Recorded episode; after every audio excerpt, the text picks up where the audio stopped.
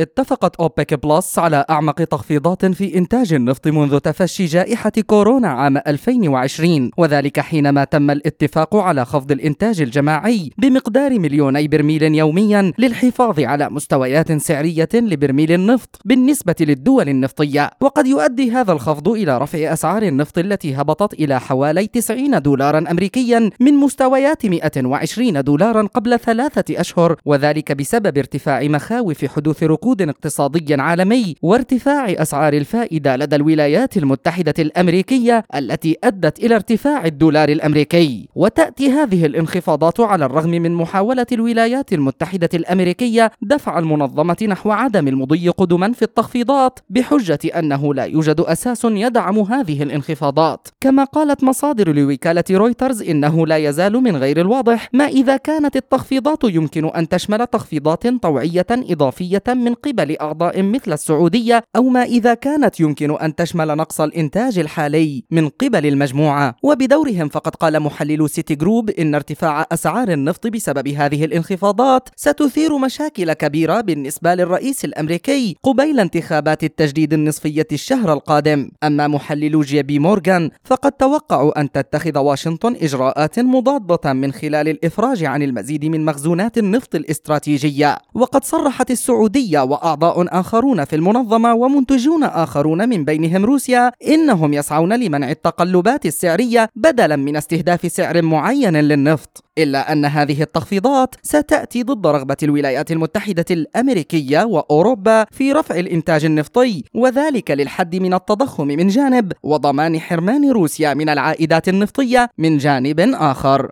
مجد النوري لشبكة أجيال الإذاعية.